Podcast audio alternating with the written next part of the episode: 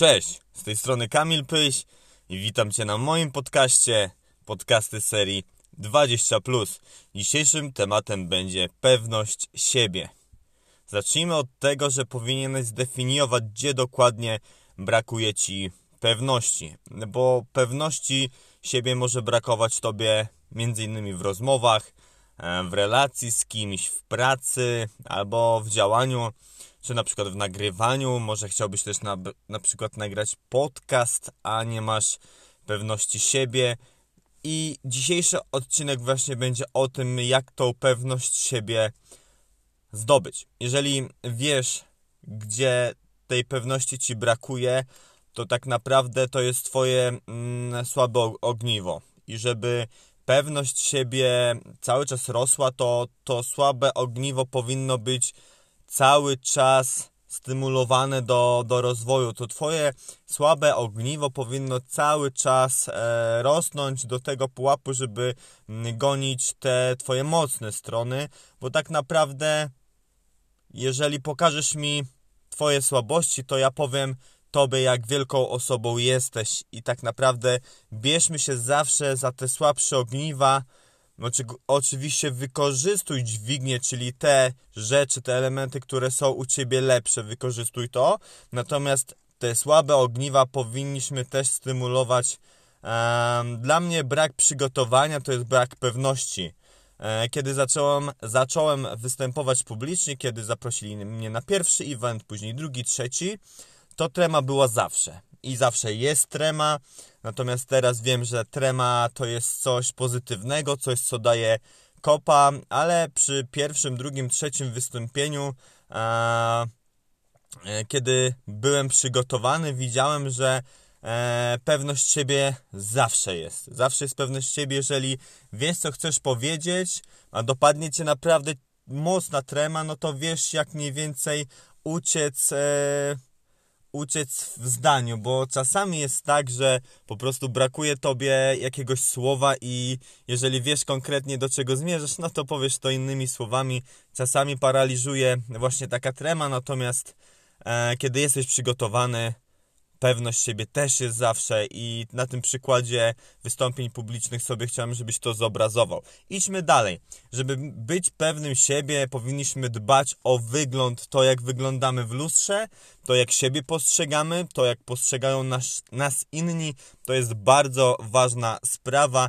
Powinieneś za, zadbać nie tylko o e, wygląd zewnętrzny, czyli ubrania, kosmetyki, y, fryzura, zarost lub brak tego zarostu, więc e, mówię tutaj do facetów, oczywiście do kobiet, e, piękne włosy, makijaż, tak, to jeżeli dbasz o siebie, to jest pierwsza e, rzecz, e, wygląd zewnętrzny, druga rzecz to jest to, jak wygląda twoja sylwetka, bo jeżeli ty nie ćwiczysz, no to sorry, ale na pewno twoja pewność siebie będzie e, mogła być wyższa, bo kiedy ćwiczysz, twoja sylwetka jest taka mniej więcej jakbyś chciał, no to e, z wiadomych względów ta pewność siebie będzie w Twoich oczach rosła. Dbaj też o edukację, bo to pomoże Ci zrozumieć pewne mechanizmy, e, psychologię, to jak Ty odbierasz się w trudnych sytuacjach, bo czasami brakuje nam, nam tej pewności w różnych aspektach, w różnych rzeczach. Natomiast kiedy uczysz się, kiedy poznajesz psychologię, kiedy widzisz, że niektóre rzeczy to po prostu e, proces, niektóre rzeczy robisz w nawyku, czy nawyku wrodzonym, nabytym, nieważne. Ważne jest to, że Twój organizm czasami podświadomie reaguje na pewne rzeczy, ale jeżeli zrozumiesz pewne mechanizmy, to łatwiej Tobie będzie kontrolować e, Twoje zachowania. Na zachowania, żeby być pewnym siebie, wiadomo, że trzeba, trzeba kontrolować, tak? Ufaj sobie i to jest fajna rzecz. E, tutaj nagram osobny podcast, e, żeby jeszcze raz definiować zaufanie do siebie, ale najkrócej powiem, że jeżeli ufasz sobie, to zwyciężasz, bo e, każde rzeczy, e, które, które zrobiłeś od początku do końca, możesz uznać mianem zwycięstwa, a jeżeli sobie ufasz, będziesz regularnie zwyciężał, czy to na, na płaszczyznach, gdzie to zwycięstwo jest mniej wymagające, a może bardziej wymagające, e, im głębiej w las, im więcej zwycięstw w tym możesz podejmować te rzeczy, które są trudniejsze i zachęcam Cię do tego, żeby zacząć od tych rzeczy mniejszych i cały czas stopniowo realizować się i sięgać po te trudniejsze cele, tak? Odporność na hejt musisz sobie zdać sprawę, że nie jesteś dla wszystkich. Część osób będzie cię hejtować dlatego, że robisz coś innego, że robisz coś, czego nie rozumieją, że robisz coś, czego oni się boją, może boją się ciebie stracić. E, fajnie opisał to coach Mike Michał Wawrzyniak w książce Hejtoholic. Jeżeli nie czytałeś, jeżeli nie czytałaś, to cię zachęcam do tego, żebyś sięgnęła, sięgnął po tą pozycję, ponieważ naprawdę pokazuje, jak te mechanizmy, jak ta psychologia hejtu działa na nas i jak potrafi nas zahamować do działania, albo może pobudzić do działania. Po prostu musisz zrozumieć, że nie jesteś dla wszystkich, powinieneś być odporny na hejt.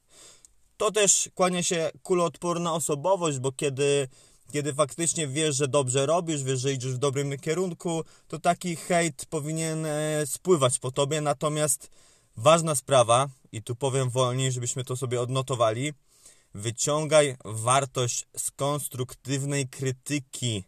Częściowo nie rozumiałem przed przeczytaniem tej książki, e, że konstruktywna krytyka to nie jest hejt, kiedy ktoś ci dobrze mówi, kiedy ktoś ci mówi e, pewne rzeczy, które, które faktycznie się sprawdzają i czasami ktoś ma rację, to powinniśmy faktycznie słuchać, e, słuchać tej konstruktywnej krytyki, wyciągnąć wnioski i poprawić działanie, bo tak jest, że faktycznie hejt, a konstruktywna krytyka to jest coś innego i powinniśmy umieć, powinniśmy potrafić odróżnić krytykę konstruktywną i hejt.